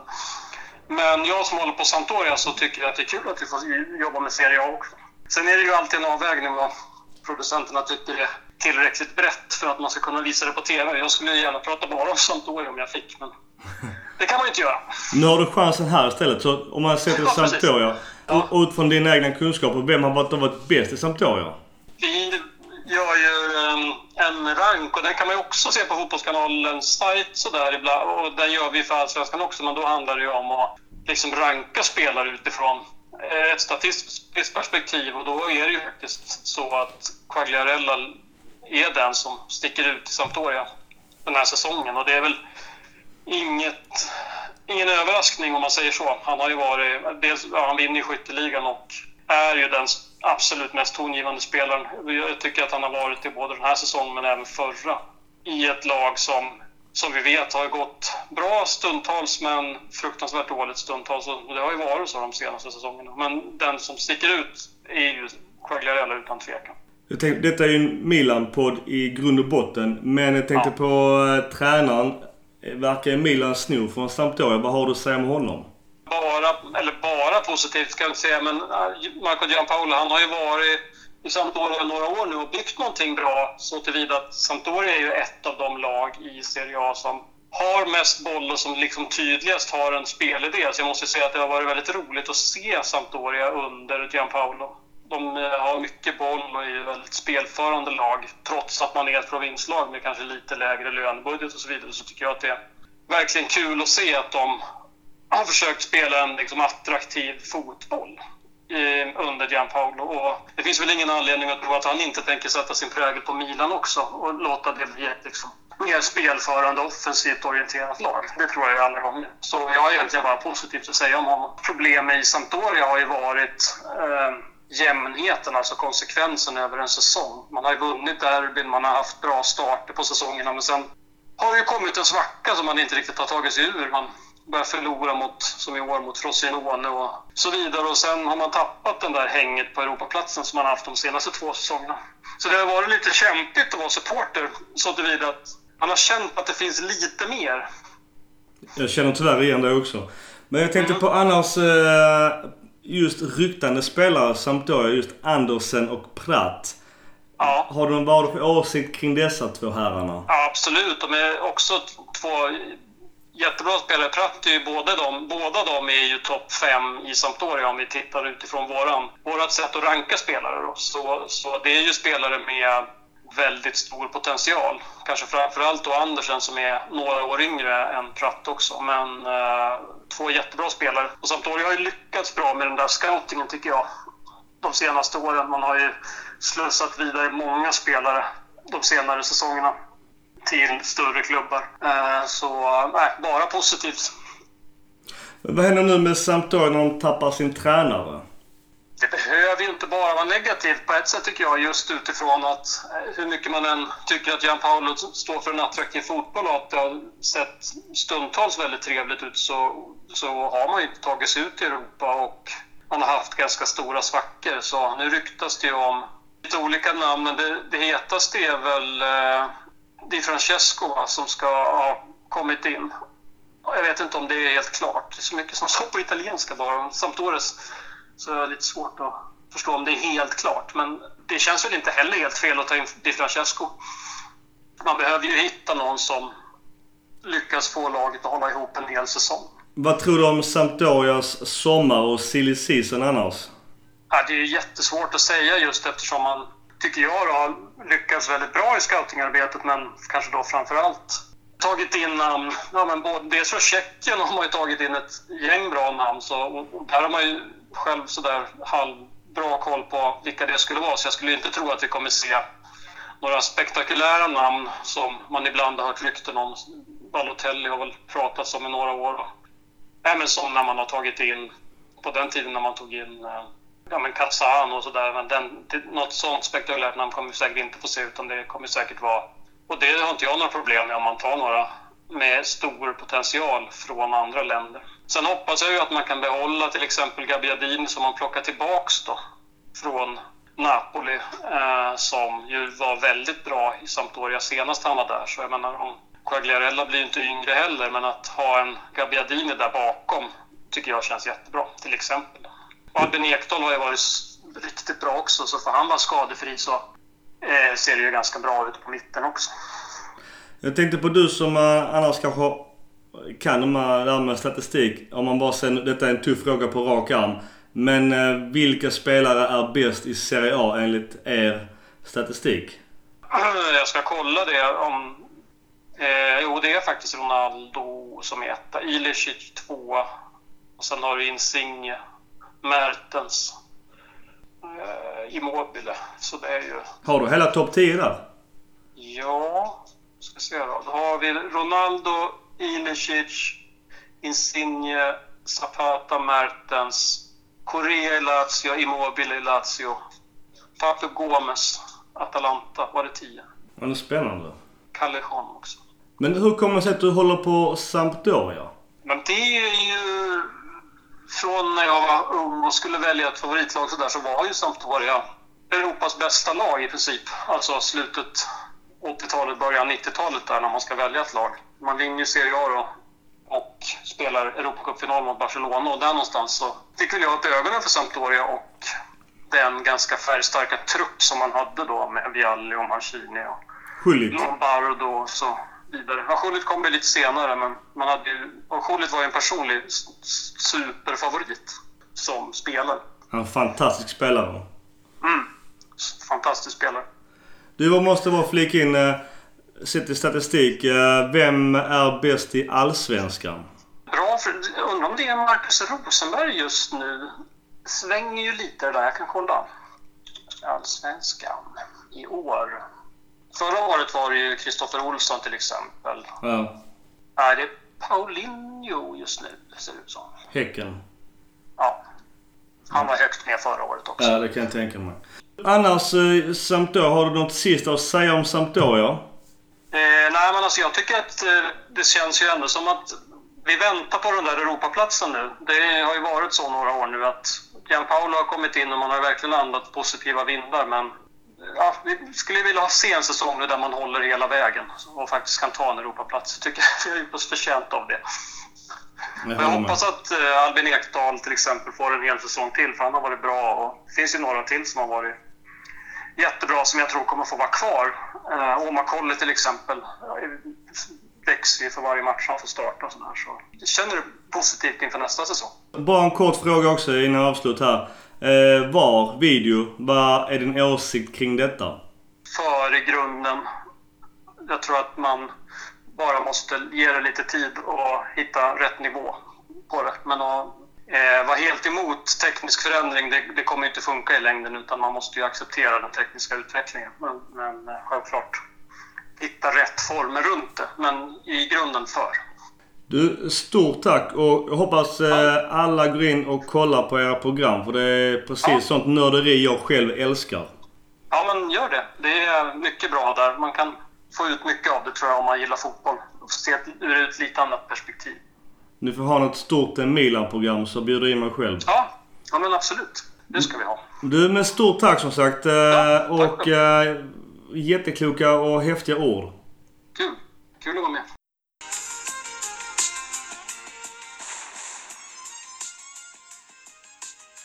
Okej, spännande. Det var Sampdoria. Gå in alla och kolla sidan. Sjukt spännande för oss fotbollsnördar. Vi kör direkt. eh, Nästa är Roma och min polare Marcus Birro som alla känner till. Med sin Calcio Amore-podd. Ja, Tjena Birro, läget? bannar du eller? Nej, det är ju ett helvete alltså. Du, bara, kort Birro. Eh, Calcio Amore, du behöver lite ekonomisk stöttning. Om man vill hjälpa till med Swish, vad, vad gör man då? Då sätter man in på ett... Jag kan skicka det sen. Och så skriver jag att du har gjort det om du vill. Spelar det, jag spelar in och så här, du vet, återkomsten typ idag nu. Ja. Så, så får vi se. Men du Birro, när vi ändå pratar eh, ekonomi och eh, Roma. Vad fan händer med Totti? Ja, det är bland det sjukaste jag har varit med om i hela mitt liv. Alltså. Det är helt sjukt. Alltså nyckeln i den här, jag vet inte om du läste på Sportbladet, men det är att under de här åren, eh, framförallt sedan han slutade kanske då, men är- de amerikanska ägarna kom in 2011. Jag bodde där då, så jag var, jag var på- jag bodde där i tre månader då, så att jag var där precis när det hände. Men det är att de har gått fram och sagt till honom att han, mer eller mindre uttryckt till honom och sen runt omkring, att han är en börda för Roma. Att han är i vägen för Roma. Det är ju helt sinnessjukt. Alltså, var, fatt, var, var börjar man någonstans i det? Hur jävla fel det är liksom. Ja, det är äckligt. Det är sinnessjukt alltså. Det är helt jävla sinnessjukt. Och detta är från människor som säger att fotboll heter soccer. Det är bara patetiskt. Ja. Ja. Okej, vad händer nu med Totti? Han, han är ju såklart bitter och det har han all rätt att vara. Men alla andra är, som håller på Roma. Ja, det, jag har ingen aning. Jag, jag körde ju, jag klippte sönder tröjor och hade med någon jävla livesändning här. Jag, jag tycker inte att det här... Jag tänker inte stödja det här jävla Roma. Jag tänker inte se en minut av det här jävla Roma. Jag är totalt ointresserad av det här Roma. Han gör det här för att hans, han, det är hans sista chans att dels rädda sitt eget ansikte, komma tillbaks och så att ägarna alltid ska bli upprop så, upprop så inte de kan vara kvar liksom. Men, men tror du tror du det finns en chans till det då? Nej, alltså jag såg ju på Corriere idag att de- har sålt fler biljetter till kurvan. Nu var ju det innan presskonferensen, men det är liksom... Nej, men jag tror att de, amerikanerna iskallt räknar med att ja, men de är arga i några veckor och sen så är det match. Liksom. De förstår inte kulturen bakom. Ja, jag hoppas att folk reagerar även i september sen. Och säger att det här är fan inte det Roma jag frälst. Det är ett annat jävla Roma liksom. Genom att pissa på De Rossi, pissa på Totti innan han slutar, göra det här nu.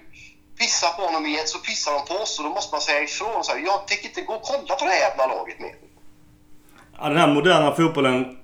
Detta är nu ett praktexempel på hur illa det kan bli. Det är en grej att eh, lag i England byter tröjor och klubbmärke. Det är riktigt fucked up. Men att kasta De Rossi och Totti, det är emot allt. Ja, men det är lika, det är, det är på den nivån liksom. Det jag, jag beklagar. Ja, tack. Det, Vi la upp eh, på vår Twitter en eh, salut till just Totti och vad han har gjort. Vilket är så bisarrt mäktigt. Kolla den bilden jag la upp sen på Twitter nu som jag hittade och någon la upp på. Men du, på tal om Twitter. Om man vill följa dig, vad, vad ska man söka på då? Eh, Marcus Adriano Birro. Birro snabel Birro Marcus och så Totti-ikon. Men du, annars säsongen Roma. Jag förstår att du är besviken. Ja, det är svårt att säga någonting om den i ljuset av det som är nu, men jag ska försöka. Det har ju inte varit bra såklart. Det har varit hackigt och det, men nu får ju mycket av det får ju en förklaring efter säsongen. Att det har varit inre stridigheter och det har varit en jävla massa tjafs och det har varit stökigt runt omkring. Och man har inte haft en riktig ledare som har kunnat ta tag i det och inte låta den skiten som har varit runt omkring läcka ut på plan, vilket man har sett att man har gjort. Så det har ju inte sett speciellt bra ut. Men eh, det har varit dåliga nyförvärv och vi börjar där väldigt många nyförvärv inför säsongen med jävligt liksom konstiga kort man prövade. Och sen att man gjorde sig av med Nangolan under rätt märkliga former också. Kan man också sätta i ett annat ljus numera möjligen. Han gick på något disco för mycket och lite sånt där. Man tappade en del bärande spelare. Man sålde Salah, man sålde eh, målvakten där. Och man har liksom... Man lyckades inte riktigt eh, med de förvärven man får gå in kunna, kunna ersätta dem. Eller kanske bättre skapa någonting annat. Man ersätter ju inte när man tappar de bra spelarna. Utan man försöker ju skapa någonting nytt då. Och man har inte varit förmögen att skapa någonting överhuvudtaget. Vare sig något nytt eller något halvgammalt. Därför har det sett jävligt trist och tråkigt ut. Och sen så har en sån gubbe som Jack som är en humörspelare sett ut att längta till vad han nu längtar till. Den gubben det är svårt att avgöra det. Men han kan ju se helt jävla borta ut när han inte är intresserad. Och han har inte varit intresserad på hela säsongen. Så ja, då blir det så här. Men DJ, alltså Di Francesco, han fick ju foten. Var det rätt eller fel? Nej, det var fel. Och ja, det tyckte jag redan då när det var. Jag tyckte att det var fel redan då. Och det, det visar ju sig att eh, det var ju smartare människor än jag som också kunde tycka det. Liksom. Men det visar lite grann på vilken ägarstruktur man har haft och har och hur man med korta beslut vill försöka få förändringar och skapa liksom, förutsättningar. Och det finns ju för fan inte en jävla tränare i världen som kan... Alltså, har man en backlinje där Fazio styr och ställer så spelar det liksom ingen roll om det är Di Francesco eller Ranieri som styr, som, som sköter den skutan. Liksom. Det, det, det håller inte. Utan det är ju man har liksom försökt plåstra över eh, du vet, blodiga benbrott och det funkar inte. På tal om en backlinje som har varit Sverige. Robin Olsson har fått jävligt mycket skit för att hylla det i början. Hur mycket har han i detta också att göra? Alltså där är det ju då, som den som älskar Italien italiensk fotboll, så är ju det här inte de här jobbiga grejerna att säga. Men det är liksom att det blir utlänningen som får klä skott och det är så jävla vidrigt. Men det är så det har blivit. Han fick klä skott, han gjorde ju något dumt, eller något felaktigt, gjorde någon miss någonstans och då blev det han. Sen kom Mirante in och gjorde det bra någon match och då kände man, ah, okej okay, men fan, då var det kanske Robin Olsen det hela föll på. Vilket är liksom den enkla vägen ut och de många italienska romar, alltså när, när en italiensk fotbollsförening inte fungerar då söker man oftast de enkla vägarna ut. Och den enkla vägen ut är att ta liksom den svenska nyförvärvet och så skyller vi allt på honom. Så tar vi in gamla Mirante som gör det rätt bra. Mirante gjort okej okay, liksom, men det var ju för fan inte Robin Olsens fel att eh, backlinjen var som den var under många eh, sekvenser, långa sekvenser under många matcher under säsongen. Det är inte Robin Olsens fel att Roma inte nådde högre upp än vad man gjorde. Liksom. Det, det, är bara, han blev syndabock och det finns ett politiskt spel bakom det också. Det har man sett förut i italiensk fotboll. Det är ganska trist och han råkade ut för det tyvärr. Han var ju inte, med, han var inte sämre än någon annan. Tvärtom. Matchen mot Real Madrid och några till var han ju bäst på plan trots att han fick stryk där. Så det, det var inte hans fel. Han fick klä skott bara helt enkelt. Roma tar ju ändå sjätteplatsen, det vill säga Euroleague-kval. Vad kan man förvänta sig av framtiden av Roma och här under sommaren? Ja, men med tanke på allting som har hänt sista tiden med det här med Totti och ägarna så är det, känns det som att det bästa som kan hända Roma det är om det blir en stor jävla revolution och revolt så att man välter hela den jävla amerikanska äran på ända. Och att vi sätter dem på någon jävla lyxjakt tillbaks till Disneyland så att de kan starta om från början igen. För det, om du ser det du har pratat och frågat mig om nu, om man ser liksom det i lite större perspektiv så är det hela tiden stora grejer som sker som man försöker Eh, styra upp med desperata åtgärder, byta tränare, köpa in konstig spelare, anklaga svenska målvakten för att... Alltså det, det är någonting fundamentalt som inte fungerar och det kan ju rulla på genom att man sätter plåster på benbrott ett tag. Men förr eller senare så måste du backa undan och säga vad fan är det som inte funkar? Och det är en massa saker som inte funkar. Vi måste ta tag i det här. Och som jag ser det så handlar det bara om att byta ägare. Göra sig av med Palotta och hela det gänget, Baldini och dem, och sen börja om från början. Det är det enda sättet. Lite som Milan har gjort, eller försöker göra. Ja, exakt. Precis så. Eh, Biro, eh, dina fler ord här innan om Totti i början. Ska jag klippa bort det eller ska jag, vill du att jag har kvar det? Nej, för mig får du ha kvar det. spelar ingen roll. Gör som du vill, vad som funkar, hur ni brukar göra liksom. Det är lugnt för mig. Ja, för det är, det är något härligt med hjärta och passion. Det är svårt att klippa bort det. Nej, klipp inte. Låt det vara. Men annars Biro, vad har du annars eh, några önskemål eller vad, vad tror du om transfer silly season Roma? Men det handlade väl om att försöka få in eh, jag och Sagnolo, att de lyckas behålla Sagnolo som säkert kommer göra ett magiskt U21 nu. Som det verkar för Italien i, i Italien här. Började ju med att slå Spanien 3-1. Sen har det talats om att Dzeko ska försvinna och det gör ju inte speciellt mycket som det ser ut just nu. Eh, det är mycket som är uppe liksom i luften, många kort som är på väg ner och dunkar i bordet. Så vi får väl se vad det är för spade två år som dyker upp. Nu har vi tur så är det några hjärtrest också. Jag vet inte. Men man behöver ju göra om och även om man då inte gör sig av med ägarna och det rullar på. Vi låter oss ponera med den hemska tanken så är det ju att man behöver få in en massa nya spelare för att få ordning på det här laget. Så det är en jävla transfermarknad i så fall som eh, ska till. Du Birro, stort tack för eh, din medverkan för tredje gången ska jag säga. Så det ett extra stort tack för det. Ja, det är jag som ska tacka. Alltid ett nöje, det vet du. Men du, och jag hoppas att du får en fin sommar och eh, lycka till framöver både med Calcio Amore och ditt Roma. Ja, ja, det kan behövas få då. Lycka till där med podcasten och allting fint ni gör för Milan i Sverige också. Detsamma, detsamma. Vi, vi hjälps åt som sagt. Men du, ja. jag länkar sen Biro när det är redigerat så, så hörs och ses vi. Ja, så håller vi, höras av lite ibland. Absolut, absolut. Det är inte så många. Fan vad kul att jag fick vara med. Tack själv du Biro. Trevlig sommar. Tack så mycket. Tack. Detsamma, vi hörs. Ha, absolut, ha det gott. Ciao. Eh.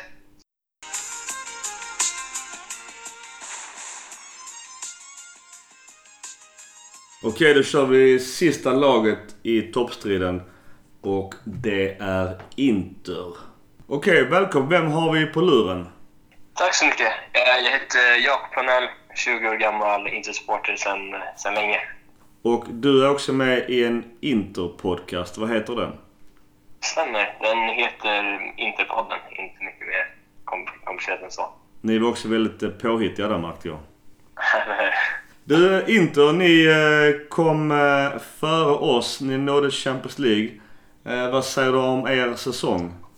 Sett till förra sommarfönstret så trodde man att den här säsongen skulle bli mycket behagligare resa än vad, den faktiskt blev i slutändan. Med nyförvärv som var De Vrij, Asamoah, gratis, Nangolan, Keita Balde, Versalco. så tänker man att då har vi både spetsat till startelvan och dessutom fått lite bättre bredd till och med. Så att eh, man trodde väl inte att Inter skulle kanske kunna utmana Juventus, men åtminstone utmana Napoli om andra platsen. Och det blev ju betydligt svettigare än så. Och vad hände då? Varför blev det som det blev? Eh, Det där är så, eh, om man bara visste det liksom. Det är inte åkte ju på, det är samma syndrom som egentligen har eh, flera säsonger i rad. Att man har inlett ganska starkt men eh, hamnat i någon slags kris mitt under säsongen. Men jag tror inte att det finns någon enkel anledning som att det är samma sak som händer varje år. Eh, I år var det till exempel den här Icardi-situationen som är helt omöjlig att förutspå som såklart eh, eh, kaosade till det rejält. Och eh, då tappar man både mycket stabilitet i omklädningsrummet, eller det blir en otrygg situation i omklädningsrummet, plus sin, vad som ska vara ens eh, stora stjärna, målskytt liksom. Så det försvårar ju såklart eh, jobbet för alla, för Spalletti. Men vad fan händer med Icardi då? Jag tror att han måste vara out faktiskt. Jag tror att han, det är för många broar som har bränts nu. Är det han som är dum i huvudet eller är det hans fru Wanda? Det är så svårt. Alltså, det, jag tycker man har sett många gånger att liksom, såklart Wanda har tagit, gjort jättemånga konstiga beslut som inte en professionell agent hade gjort riktigt. Det finns många uttalanden. Det var det som eh, verkligen startade den här cirkusen när, han, när hon sa att eh, inte kanske borde värva lite spelare som eh, kan passa honom bollen. Och det är väl spelare som Perisic tar framförallt då har det snackats om tagit en sån grej riktigt dåligt. Och det är såklart det skapar en oro i omklädningsrummet eh, som, eh, såklart, som inte kan gynna Icardi på något sätt. Men eh, samtidigt, man ska inte tro att Icardi inte har koll på vad hans fru och agent säger. Så att, eh, jag tror inte man kan vara så... Man kan inte stirra sig blind åt det ena eller andra hållet. Jag. Vet att det är en svår fråga men vill han lämna klubben självmant eller vill han vara kvar? Eller vad fan håller han på med? just med den där grejen är att eh, ena dagen kan i princip samma medier eh, säga att Icardi vill, eh, vill vara kvar och försöka övertala Conte att han ska få en chans. Men nästa dag så står det att han i princip vill stämma klubben för eh, någon slags mobbning, utfrysning. Så att, eh, och eh, allt han har visat är väl egentligen, eh, i, ja, men, om man ska läsa in någonting från sociala medier och hela den biten så så käns känslan är ju ändå att han kanske vill, eh, vill försöka stanna nu i den här konditionen. Men jag har svårt att se att det kan ske. Allting tyder samtidigt på att Conte vill göra sig av med honom och satsa på andra spelare. Jag var själv nere och såg eh, derbyt där Milan förlorade mot Inter med 2-3. Och Okej. lite, lite vändning för Milan och kanske vändning för er också. Men i slutändan så slår ni ut stackars Empoli och själva tar Champions League-platsen. Så det är väl ändå en okej säsong på så vis, eller? Som sagt, eh, man trodde att den här säsongen skulle bli en enklare resa än vad den blev. Eh, och eh, jag tror inte det hamnade på en poäng sämre än året innan, så poängmässigt är det väl ungefär lika. Och det borde man ha, inte borde ha gjort bättre ifrån sig. Så är det utan tvekan. Men samtidigt, nu är man ändå optimistisk inför framtiden. Eh, vi tog den där Champions League-platsen som såklart var det absolut viktigaste. Och nu är Conte, det går att argumentera för att det är en av, en av världens bästa tränare liksom, är på plats. Det är ändå optimistiskt i interläget, skulle jag säga. Vad innebär det tror du med Conte som tränare? Blir det trebackslinje? Lukaku? Hur kommer de... Vad kommer hända? Ja, alltså vi får ju se hur det blir med Lukaku. Det har jättemycket att göra med Icardi-grejen. Om han blir såld, om hur mycket han blir såld för och så vidare. Men eh, eh, trebackslinjen är ju given med Godin kommer ju in. Eh, Skrinja, De Vrij, så den känns ju extremt bra. Backlinjen var ju den lagdelen som var bäst redan förra året. Det man kan förvänta sig, det är väl alltså Conte har gjort extremt bra resultat i ganska liknande situationer förut som den situationen inte befinner sig i just nu. Det var kanske det som också känns lovande. För att eh, men när han tog över Juve så var det ett Juve som hade slutat sjua säsongen innan. Liksom. Och eh, Chelsea samma sak, hade ju haft den här katastrofsäsongen med Mourinho och slutat tia säsongen innan han kom. Jag säger inte att inte kommer vinna ligan som han gjorde eh, i eh, båda de två eh, tidigare scenarierna. Men eh, som sagt, det är en tränare som har gjort eh, resultat med, eh, med spelartrupper som kanske inte... Jag tycker han är bra på att... Han har varit resurset och han varit bra på att få ut max av sitt spelmaterial. Frågan är då om nuvarande trupp som spetsas och kanske Conte, kan ni rå på Juventus redan i kommande säsong?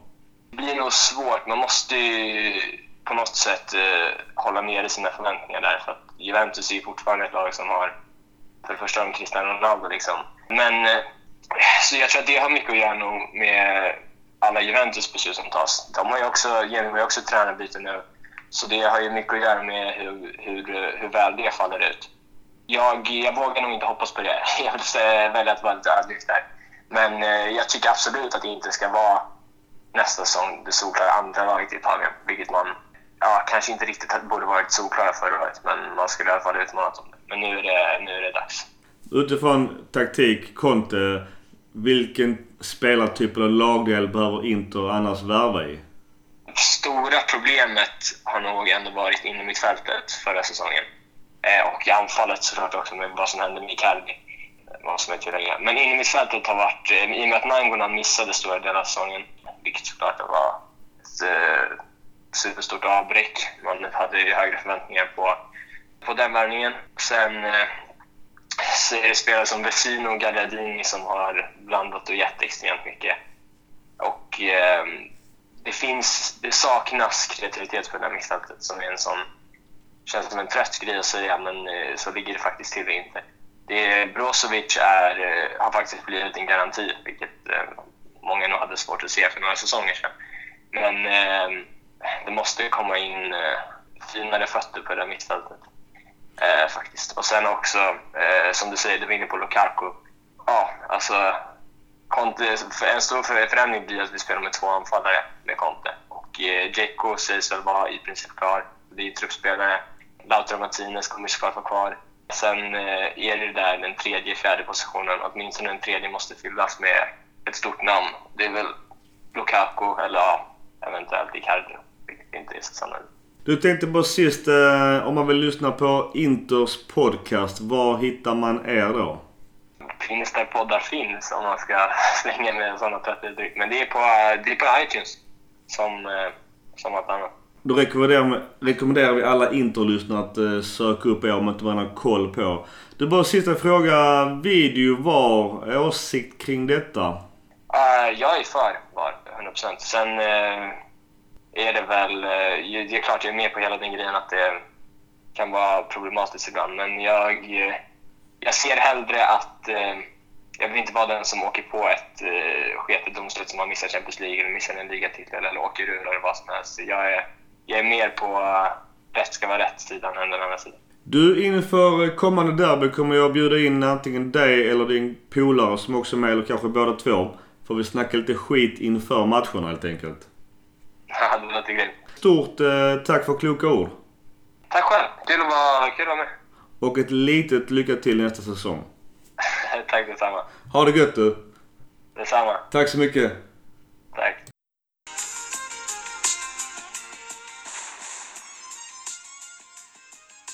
Okej, nu undrar ju såklart alla varför inte Milan har fått sin beskörda del av summeringen av säsongen. Och det kommer i nästa avsnitt ett liknande upplägg. Men att jag ringer runt till bara Milan-fans. Så de som lyssnar på det är jättevälkomna som inte håller på Milan. Och jag räknar med att alla andra milanister lyssnar vidare precis som vanligt. Om inget annat så till er andra, trevlig sommar, glad midsommar. Ciao!